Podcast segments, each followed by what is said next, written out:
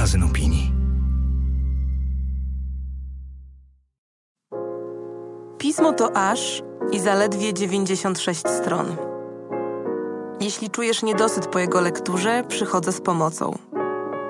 Oto podcast a propos, w którym polecam co przeczytać, co obejrzeć i czego posłuchać, aby poszerzyć swoje horyzonty i wiedzę. Zapraszam, Zuzanna Kowalczyk.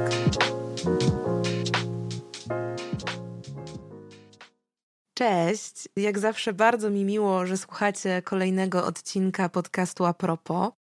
Zwłaszcza, że będzie to odcinek towarzyszący lipcowemu numerowi pisma, z którego muszę przyznać, że jako redaktorka jestem szczególnie dumna. Dumna, ponieważ pojawiły się w nim dwa teksty, które uważam za niezwykle ważne. Teksty, które też bardzo ciekawie ze sobą korespondują i naprawdę w moim poczuciu poszerzają perspektywę. A mówię o tekście Ani Gromady, o chyba najbardziej znanym, żyjącym współcześnie ekonomiście, czyli Tomasie Pikettim, oraz o tekście Miłosza Wiatrowskiego, który napisał naprawdę znakomity esej o tym, jaką funkcję w naszym życiu społecznym pełni ekonomia, a dokładniej ekonomiści, i też o tym, dlaczego tak trudno jest nam wyrwać się z tych rozmaitych, starych, ekonomicznych narracji, mimo tego, że przecież wiemy, jak bardzo jest nam to wyrwanie się potrzebne w obliczu licznych obecnych kryzysów. Bardzo Wam polecam oczywiście lekturę całego lipcowego pisma, ale wychodząc od tych dwóch tekstów, będzie to odcinek a propos nowej ekonomii. Zastanawiałam się zresztą, jak w ogóle zdefiniować, jak ująć ten temat, i w tej nieco dłuższej wersji miałam zapisany taki tytuł a propos nowej wyobraźni ekonomicznej. Bałam się, że będzie trochę przerażał, ale mam poczucie, że nawet trochę lepiej oddaje to, co jest tu naprawdę istotne, bo w myśleniu o tym, jak zmienia się nomen omen nasze myślenie o ekonomii, czyli jakie są też te nowe pomysły na ekonomię, nie chodzi tylko o te tak zwane nowe paradygmaty, ale przede wszystkim chodzi o w ogóle taką zdolność wyobrażenia sobie naszego porządku społeczno-gospodarczego choć trochę w inny sposób, w oparciu o jakieś inne jakości, inne definicje, inne punkty zaczepienia, inne punkty nacisku. A jeśli ktoś ma jeszcze wątpliwości wobec tego, dlaczego to jest tak potrzebne i ważne, to spieszę z odpowiedzią, choć powiem szczerze, nawet trochę nie wiem, gdzie zacząć. No bo w dużym skrócie to nasze dotychczasowe myślenie o ekonomii doprowadziło nas do tego punktu, w którym po pierwsze właściwie wyeksploatowaliśmy naturalne zasoby ziemi do cna i właściwie minęliśmy się już z szansą powstrzymania katastrofy klimatycznej wraz z zanikiem bioróżnorodności. Więc pytanie o tę zapaść ekosystemu nie brzmi już czy ale jak, to znaczy jak duża będzie to zapaść. Dotarliśmy też do takiego punktu, w którym rosnące PKB i bogacące się społeczeństwa nie oznaczają wcale wzrostu dobrobytu dla wszystkich, a wręcz przeciwnie, to znaczy nierówności społeczne rosną, mobilność klasowa maleje, młodsze pokolenia najpewniej czeka trudniejszy los niż ich rodziców. Jest to też taki punkt, w którym masowo tracimy zaufanie do rządów, do instytucji publicznych, w którym w ogóle doświadczamy jakiegoś rodzaju kryzysu demokracji, cokolwiek pod tym szerokim pojęciem się w praktyce kryje. No ale dość powiedzieć, że rzeczywiście wraz z globalizmem czujemy się jako obywatele coraz mniej skuteczni, albo czujemy, że mamy coraz mniejszy wpływ na to, jak urządzona jest nasza rzeczywistość a jednocześnie te napięcia społeczne się nasilają i zderzenie tych dwóch trajektorii prowadzi do naprawdę poważnych kryzysów i poważnych problemów.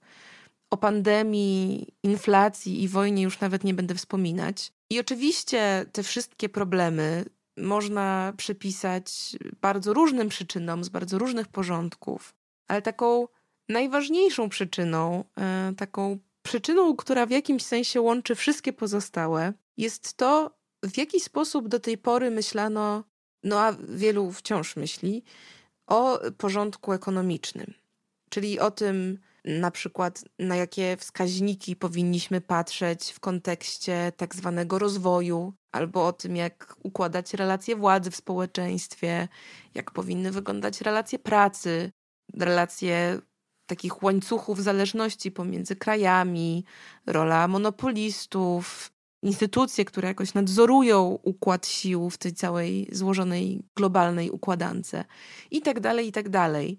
I właśnie dlatego tak bardzo jestem zadowolona z tych tekstów, które publikujemy w lipcowym numerze pisma, bo, bo mam poczucie, że dają one dość różne propozycje, odpowiedzi na to, jak ten porządek ekonomiczny można, czy też powinno się zmienić. A więc odpowiedzi, które wydają mi się jakoś absolutnie fundamentalne w obliczu tych wszystkich rozgrywających się współcześnie kryzysów i fundamentalne też w zakresie tego, żebyśmy w ogóle byli w stanie dojrzeć zmiany, które zachodzą, albo przynajmniej dojrzeć spektrum pomysłów na te zmiany. A to jest trudne. Trudne też dlatego, że zmiany zazwyczaj najtrudniej jest dostrzec i docenić będąc w środku jej procesu. Ja mam poczucie, że jesteśmy w środku jakiegoś procesu i że ta zmiana, co prawda, dzieje się dużo wolniej i w dużo mniejszej skali niż duża część z nas by sobie życzyła i też uznawała za konieczne, ale jednak się dzieje. Zresztą, na przykład, dobrą ilustracją tego, że się dzieje, jest dla mnie to, że Chociażby to słynne stwierdzenie, które Mark Fisher w swojej książce Realizm kapitalistyczny, którą swoją drogą bardzo też Wam polecam, przypisał Friderikowi Jamesonowi i Slawojowi Żyżkowi, czyli stwierdzenie o tym, że łatwiej jest wyobrazić sobie koniec świata niż koniec kapitalizmu, choć w jakimś sensie nie traci na aktualności, to jednak stwierdzenie to wydaje mi się już nieco bardziej radykalne niż jeszcze dekadę temu.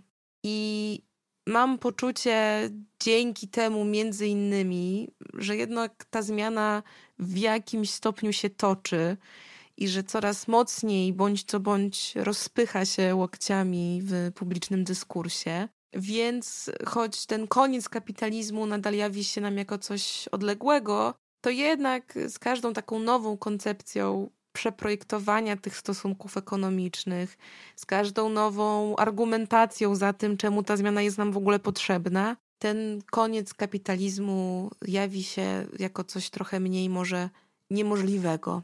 A to już coś. Bo rzeczywiście zupełnie niebywałą rzeczą, jaka udała się kapitalizmowi, jest to, w jaki sposób kapitalizm jako forma narracji wmówiła nam, że nic lepszego ponad kapitalizm nie istnieje że kapitalizm jest jakąś taką najpełniejszą, najbardziej skończoną i właściwą wizją rozwoju świata i że wszelkie inne narracje prowadziły właśnie do tego punktu. No właśnie, tyle, że ten punkt wcale nie jest jakiś taki świetny, jak zapowiadano, wręcz doprowadził nas na jakąś krawędź przepaści. A z perspektywy czasu widać doskonale też, jak wiele rzeczy w tym kapitalizmie się zwyczajnie nie klei i jak wiele rzeczy celowo przemilczano, przeoczono po to, by ten sielankowy obrazek móc w ogóle wytworzyć.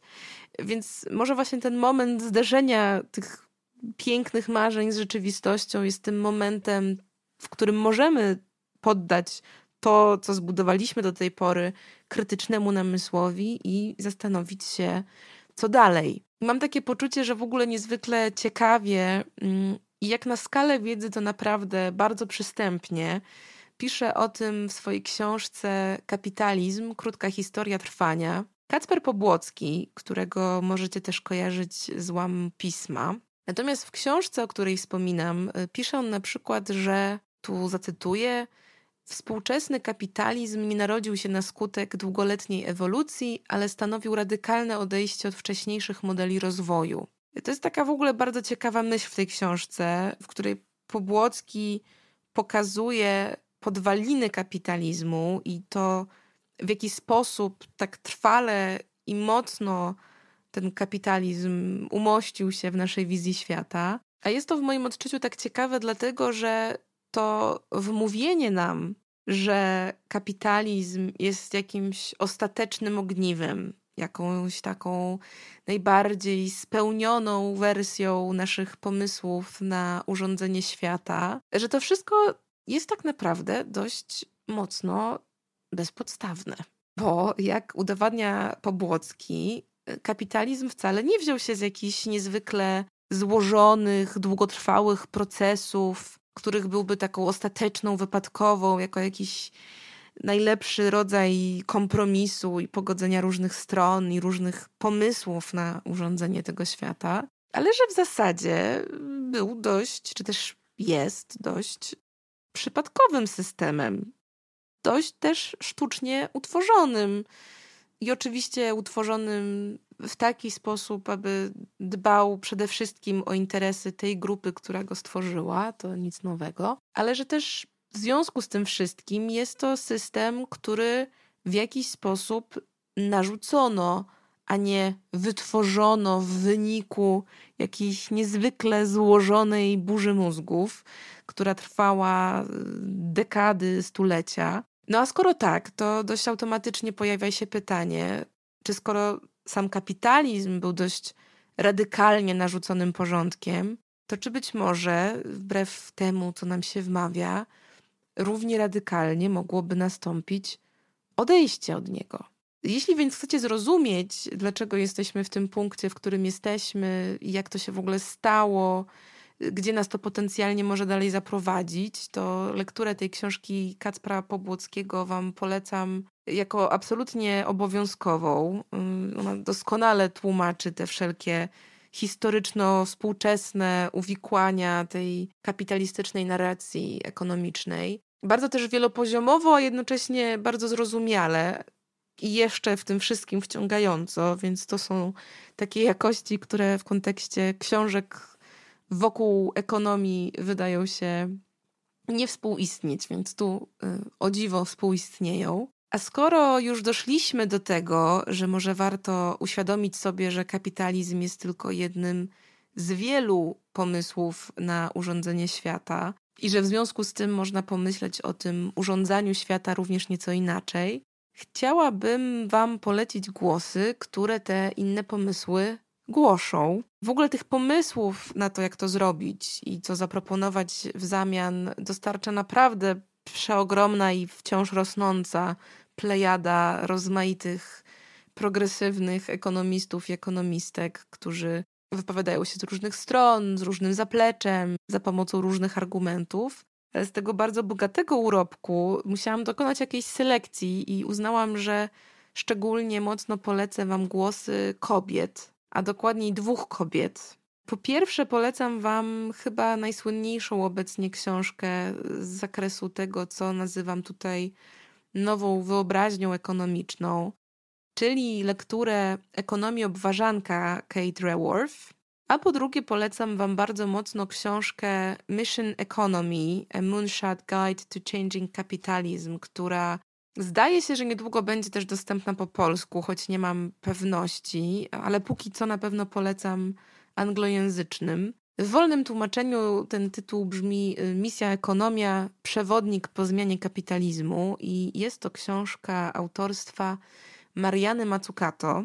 Obie te książki, dla mnie przynajmniej, są w jakimś stopniu rewolucjonizujące. To znaczy, dokonują tak ciekawych przesunięć w naszym myśleniu o ekonomii, tak ciekawych zmian i proponują też tak nowe spojrzenia i propozycje rozwiązań, że naprawdę każdemu, kto upiera się przy starych narracjach, wkładałabym te książki po prostu w dłonie z jakimś błagalnym spojrzeniem, aby przynajmniej spróbowali pomyśleć inaczej i w tym myśleniu podążyli za Reworth i Mazzucato. Kate Raworth jest brytyjską ekonomistką, która w tym swoim słynnym koncepcie ekonomii obważanka, czy też e, jak inni to tłumaczą, ekonomii pączka, tak naprawdę dokonuje czegoś jednocześnie bardzo prostego i bardzo trudnego. To znaczy, rozrysowuje taki model systemu tych ekonomicznych zależności, który w przeciwieństwie do dotychczasowych narracji nie uwzględnia wyłącznie dobrostanu człowieka, i to zresztą najczęściej człowieka z dominującej grupy, ale uwzględnia też dobrostan, albo raczej zwyczajne ograniczenia naszej planety. I w myśleniu tym nie chodzi o jakieś niezwykłe, podniosłe moralne pobudki, ale w gruncie rzeczy chodzi o bardzo czysty rachunek zysków i strat. Bo, jak pokazuje Reworth, nie uwzględniając właśnie tej równowagi pomiędzy zużywaniem a dostępnością surowców, albo pomiędzy nadużywaniem a tymi ograniczonymi możliwościami ekosystemu naszej planety, zmierzamy no, na czołowe zderzenie z zagładą, a jeśli nie z zagładą, to w najlepszym razie z koniecznością poniesienia jakichś gigantycznych kosztów. I że tak czy siak to myślenie oparte na założeniu jakiegoś ciągłego rozwoju i ciągłego przyspieszania jest po prostu z definicji, wybaczcie kolokwializm, durne. Durne, bo oczywiście po prostu absolutnie niemożliwe, bo żyjemy w świecie, które ma bądź co bądź ograniczone możliwości i ograniczone zasoby. I myśląc o tych ograniczonych możliwościach, mówię nie tylko o tych możliwościach planety, którą zamieszkujemy, ale też o możliwościach nas, ludzi. Ta idea gospodarki cyrkularnej, e, o której pisze Reworth, nie jest też jakoś wybitnie nowa, ale to, co nowego zrobiła w jej kontekście Reworth, to to, że ona rzeczywiście przeniosła ją na nieco inny poziom. To znaczy, po pierwsze, jest to książka zrozumiała raczej dla każdego czytelnika i no, to jest jej niebywała wartość. A po drugie, ta idea w jej wydaniu obejmuje też dużo szerszy zakres naszego funkcjonowania w świecie niż wszelkie poprzednie podobne teorie, ponieważ Reworth wzięła pod uwagę bardzo różne obszary naszego funkcjonowania w świecie. W gruncie rzeczy to jest o tym właśnie przeniesieniu punktu nacisku, o zmianie w ogóle w definiowaniu naszych ograniczeń i w definiowaniu naszych możliwości, a koniec końców jest to o tym, żeby trochę inaczej spojrzeć na wartość jako taką, na to, czym jest wartość w życiu społecznym, w gospodarce, w biznesie. No właśnie, jeśli weźmiemy pod uwagę dużo szerszą siatkę zależności i wpływów. I też y, czym w tym wszystkim jest dobro publiczne, czyli jak w tym wszystkim mości się ekologia, czy takie pojęcia jak chociażby wspólnota. I bardzo podobnego przesunięcia środka ciężkości dokonuje w swoich pracach Mariana Mazzucato. Mazzucato jest włosko-amerykańską ekonomistką, o której zrobiło się dość głośno przede wszystkim za sprawą jej teorii tak zwanej ekonomii innowacji, która znowu, y, podobnie jak Reworth, nie odkrywa Ameryki y, w tych swoich teoriach, ale wreszcie w jakiś taki wybitnie przekonujący i w miarę przystępny sposób pokazuje, że po prostu musimy zmienić nasze myślenie o tym, co jest wartością w życiu społecznym. I nie kończy tej refleksji na stwierdzeniu, że musimy to zrobić, ale też proponuje różne ścieżki, jak to zrobić. I co ciekawe, to, co Matsukato stara się przekazać, to to, że nawet jeśli zgodnie z tymi przykazaniami kapitalizmu uznamy, że tą wartością jest rozwój, to nie sposób mówić o rozwoju bez solidnych inwestycji w instytucje publiczne, czyli w tak zwane dobro wspólne. Bo bez solidnych inwestycji publicznych gospodarka, która działa wyłącznie w obrębie wolnego rynku, jak pokazuje na danych i różnych innych argumentach i dowodach Macokatu, nie ma szans być prawdziwie innowacyjna. Co też według mnie szczególnie ciekawe w przypadku Matsukato, to to, że ona jakoś przy tym wszystkim niebywale skutecznie łączy dwa światy. To znaczy, ona nie jest ani typowo konserwatywną myślicielką, ani typowo progresywną. Doskonale zresztą pokazuje to chociażby fakt, że z jednej strony uwielbiają ją środowiska liberalne, z drugiej strony doceniają ją też środowiska lewicowe, a jeszcze z innej strony przedmowę do polskiego wydania jej książki napisał nie kto inny, tylko nasz premier Mateusz Morawiecki. Więc jest to ciekawe zdarzenie perspektyw i światów, ale też no, niebywale jakaś istotna sztuka połączenia tych różnych narracji i bycia głosem, który jest jakoś istotny w każdym z nich, co być może nie jest jakoś szczególnie trudne tak w ogólnym namyśle, ale wydaje mi się, że w tak spolaryzowanym świecie jak nasz obecny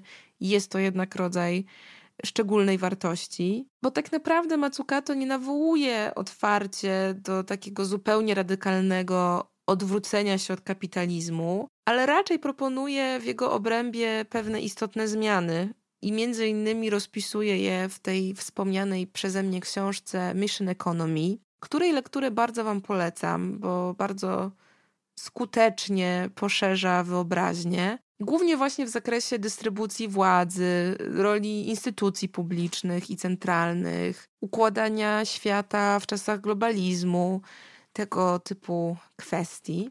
A innym ciekawym zbiorem rozmaitych pomysłów na to reorganizowanie rzeczywistości społecznej i tej naszej ekonomicznej wyobraźni jest zbiór tekstów Biennale Warszawa, wydany i zebrany pod redakcją Przemysława Wielgosza.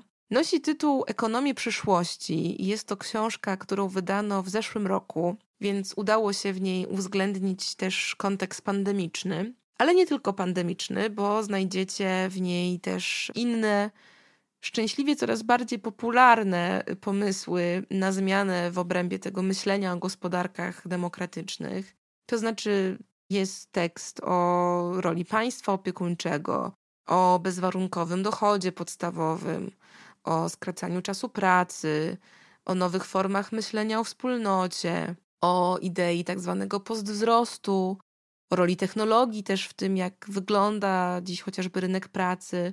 No w skrócie są to teksty i refleksje, które mocno haczą się o teraźniejszość, uwzględniając przy okazji te wszystkie kluczowe problemy, z którymi się dziś borykamy. I w obrębie tych problemów szukają właśnie rozwiązań, które mogłyby przyjść z poziomu ekonomii. Teksty te są zresztą urobkiem niezwykle ciekawego seminarium pod tym samym tytułem, które odbywało się w Biennale Warszawa. Nie są to, muszę przyznać, teksty łatwe, ale myślę, że ciekawie zarysowują to spektrum propozycji na różne nowe ekonomiczne rozwiązania i że robią to na tyle ciekawie i przekrojowo, że polecam je tutaj z jakimś spokojem ducha. Powstał też zresztą w ramach tego projektu podcast, ja go słuchałam akurat w aplikacji Tok FM i podcast ten nosi również tytuł Ekonomii przyszłości. Więc jeśli ktoś z Was woli słuchać niż czytać, to również w tej formule bardzo Wam polecam. No jest to taka bardzo ciekawa kopalnia tematów y, ważnych dla tej, nazwijmy to, progresywnej ekonomii, bo mamy tu i mniejszości, i feminizm, i antropocen, i nierówności społeczne, czyli wszystko to, czego ekonomia długo nie chciała uwzględnić, a dziś uwzględnić się dopiero w pewnych nurtach stara, więc bardzo Wam polecam. Podobnie zresztą jak polecam Wam podcast Ekonomia i cała reszta, który prowadzą Kamil Fejfer i Łukasz Komuda. Bardzo mi się podoba w tym podcaście nie tylko koncentracja na tych wątkach z perspektywy polskiej, ale też pokazanie w dużej mierze i często na liczbach, jak bardzo to nasze myślenie o ekonomii bywa wypaczone i niekompletne, a przy okazji też jak łatwo tym myśleniem o ekonomii takiego przeciętnego zjadacza chleba jak my manipulować. Fejfer, którego możecie między innymi kojarzyć z łamów pisma y, i komuda, y, poruszają tematy bardzo bliskie temu, co wzięło na warsztat w swoim seminarium Biennale, choć mam wrażenie, że oni robią to w sposób jeszcze bliższy ludziom, to znaczy jeszcze bliższy nam i temu, w jaki sposób ekonomia, a dokładnie jej gospodarcze konsekwencje dotykają nas bezpośrednio w takim codziennym życiu. Więc jeśli szukacie takiego mądrego obalania rozmaitych ekonomicznych mitów i przewodnika po tematach, które nas bombardują z mediów, a które nie zawsze łatwo w pełni zrozumieć, jak inflacja, bańka nieruchomościowa, zanik klasy średniej e, i inne popularne hasła, to podcast Ekonomia i cała reszta bardzo Wam polecam. Podobnie zresztą jak kanał podcastowy Economist Podcast, czyli kanał tygodnika The Economist, siłą rzeczy dla anglojęzycznych, w przeciwieństwie do samego tygodnika, który jest dostępny wyłącznie dla subskrybentów i prenumeratorów, podcasty znajdziecie w wolnym dostępie. Ja akurat słucham ich na Spotify.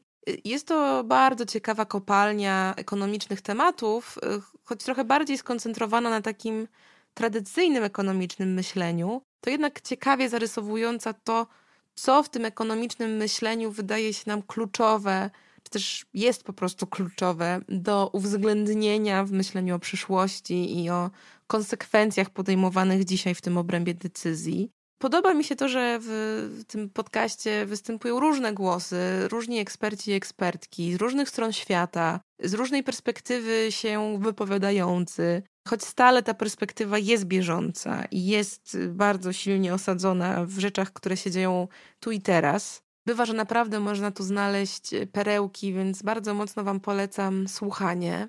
Zwłaszcza, że The Economist y, tym swoim dużo bardziej liberalnym zacięciem, czy też podejściem, bywa dla mnie w ogóle taką ciekawą kontrrównowagą dla tych najbardziej dziarskich, y, progresywnych propozycji w zakresie ekonomii. I zresztą właśnie w tym rodzaju przejścia wyraża się według mnie coś bardzo istotnego dla tych nowych ekonomicznych koncepcji. E, to znaczy umiejscowienie w nich takich kategorii jak chociażby wolność, y, czy to jednostki, czy wolność gospodarcza. I bardzo ciekawie można o tym problemie pomyśleć w zderzeniu dwóch lektur: manifestu nosorożca Adama Gopnika i książki Dlaczego liberalizm zawiódł. To jest książka Patryka J. Dinina. Adam Gopnik to jest amerykański eseista, znany przede wszystkim z łamów New Yorkera, gdzie latami pisał właśnie o liberalizmie i o tym, jak te jego podstawowe założenia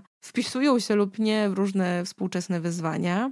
I w jakimś sensie manifest nosorożca jest takim zwieńczeniem jego rozmaitych tekstów, ponieważ Gopnik mierzy się w tej książce z różnymi zarzutami i wyzwaniami, jakie stoją przed liberalizmem dzisiaj. To znaczy, w czasach, kiedy część jego założeń została zweryfikowana z biegiem czasu i też po prostu, którym to liberalizm stanął przed nowym rodzajem wyzwań. No i oczywiście gdzieś w centrum tych rozważań stoi ten odwieczny dylemat jak pogodzić odpowiedzialność za wspólnotę z tymi ideami absolutnej wolności i też jak tę wolność w ogóle jakoś świadomie umiejscowić we współczesnej organizacji życia społecznego. Ale to, co w myśli Gopnika jest szczególnie cenne, to to, że nie jest on głuchy na te różne zarzuty stawiane pod adresem liberalizmu. I że zamiast tak kurczowo trzymać się starych narracji, on raczej zastanawia się nad tym, jak ten liberalizm można by było uaktualnić. To znaczy, jak można by go było włączyć w bardziej współczesne myślenie, które uwzględnia te rozmaite pułapki, y, w które wpadliśmy. I robi to i z zakresu filozofii i gospodarki, co zresztą wydaje mi się w ogóle jakimś takim clue sprawy.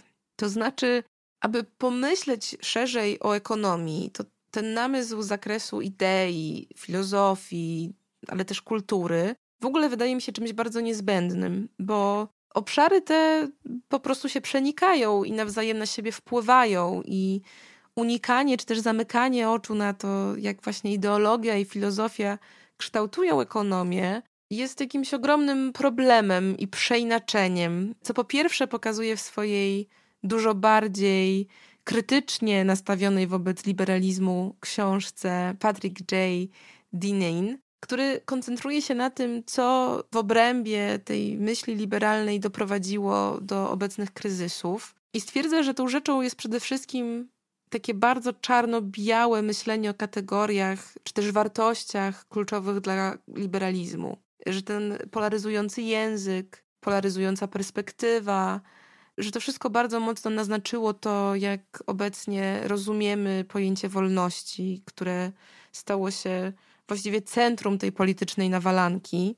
Choć może wystarczyłoby po prostu wyciągnąć to pojęcie z tej zero-jedynkowej, dzielonej na to wieczne my kontra oni wizji świata i zastanowić się, jak tą koncepcję można wpisać w bardziej taki płynny sposób. Bardzo Wam polecam, dlaczego liberalizm zawiódł, właśnie dlatego, że jest formą namysłu nad tym, jak to zrobić. A jeszcze do kompletu z książką Gopnika wychodzi z tego naprawdę ciekawy dwugłos, e, więc bardzo Wam polecam lekturę obu książek. No a skoro już przyznaliśmy, że ekonomia łączy się ściśle z ideologią, to na koniec nie sposób nie wspomnieć o książce najbardziej znanego y, francuskiego ekonomisty, czyli Thomasa Piketty'ego, którego portret, jak wspomniałam, publikujemy w tym numerze pisma.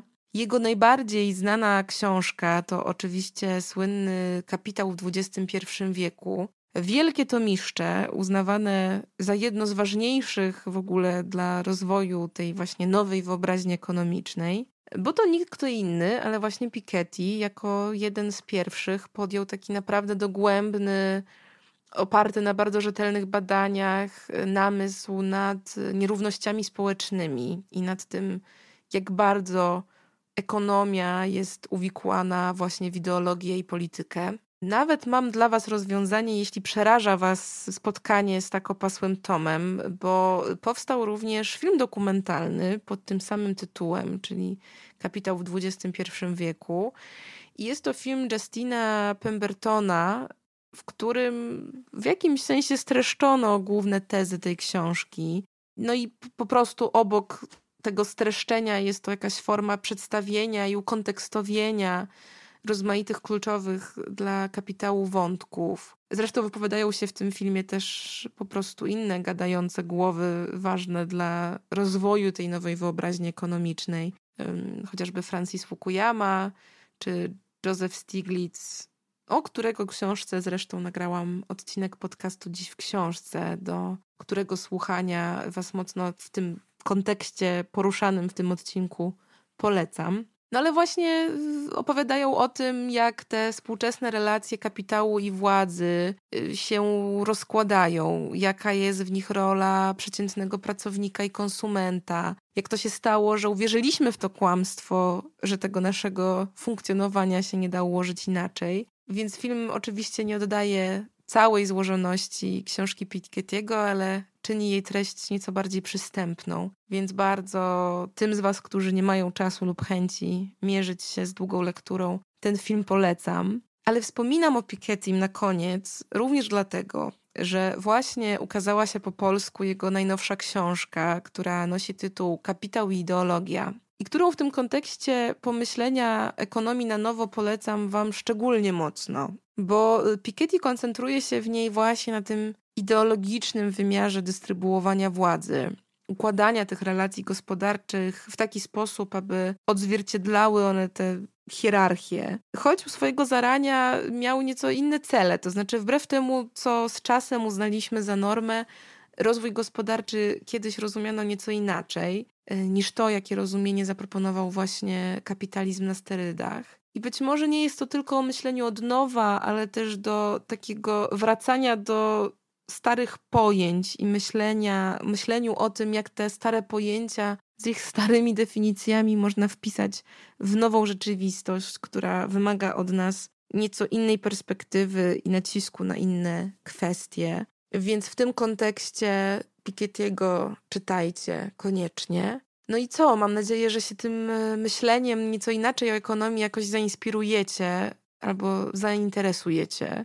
Tradycyjnie już przypominam na koniec o kodzie zniżkowym na subskrypcję i prenumeratę pisma, który znajdziecie w opisie odcinka. Przypominam też, że będąc subskrybentem lub prenumeratorem, a nawet subskrybentką lub prenumeratorką pisma, możecie zapisać się na pisany przeze mnie co miesiąc newsletter. Newsletter ten nosi tytuł Zachwyty pisma i poza a propos również tam y, dzielę się swoimi kulturalnymi poleceniami, choć tam w tej jeszcze poważniejszej skali, bo tam nazywam je właśnie zachwytami i swoimi małymi olśnieniami. Ja, jak zawsze, dziękuję Wam bardzo, że dosłuchaliście do końca tego odcinka i do usłyszenia niebawem.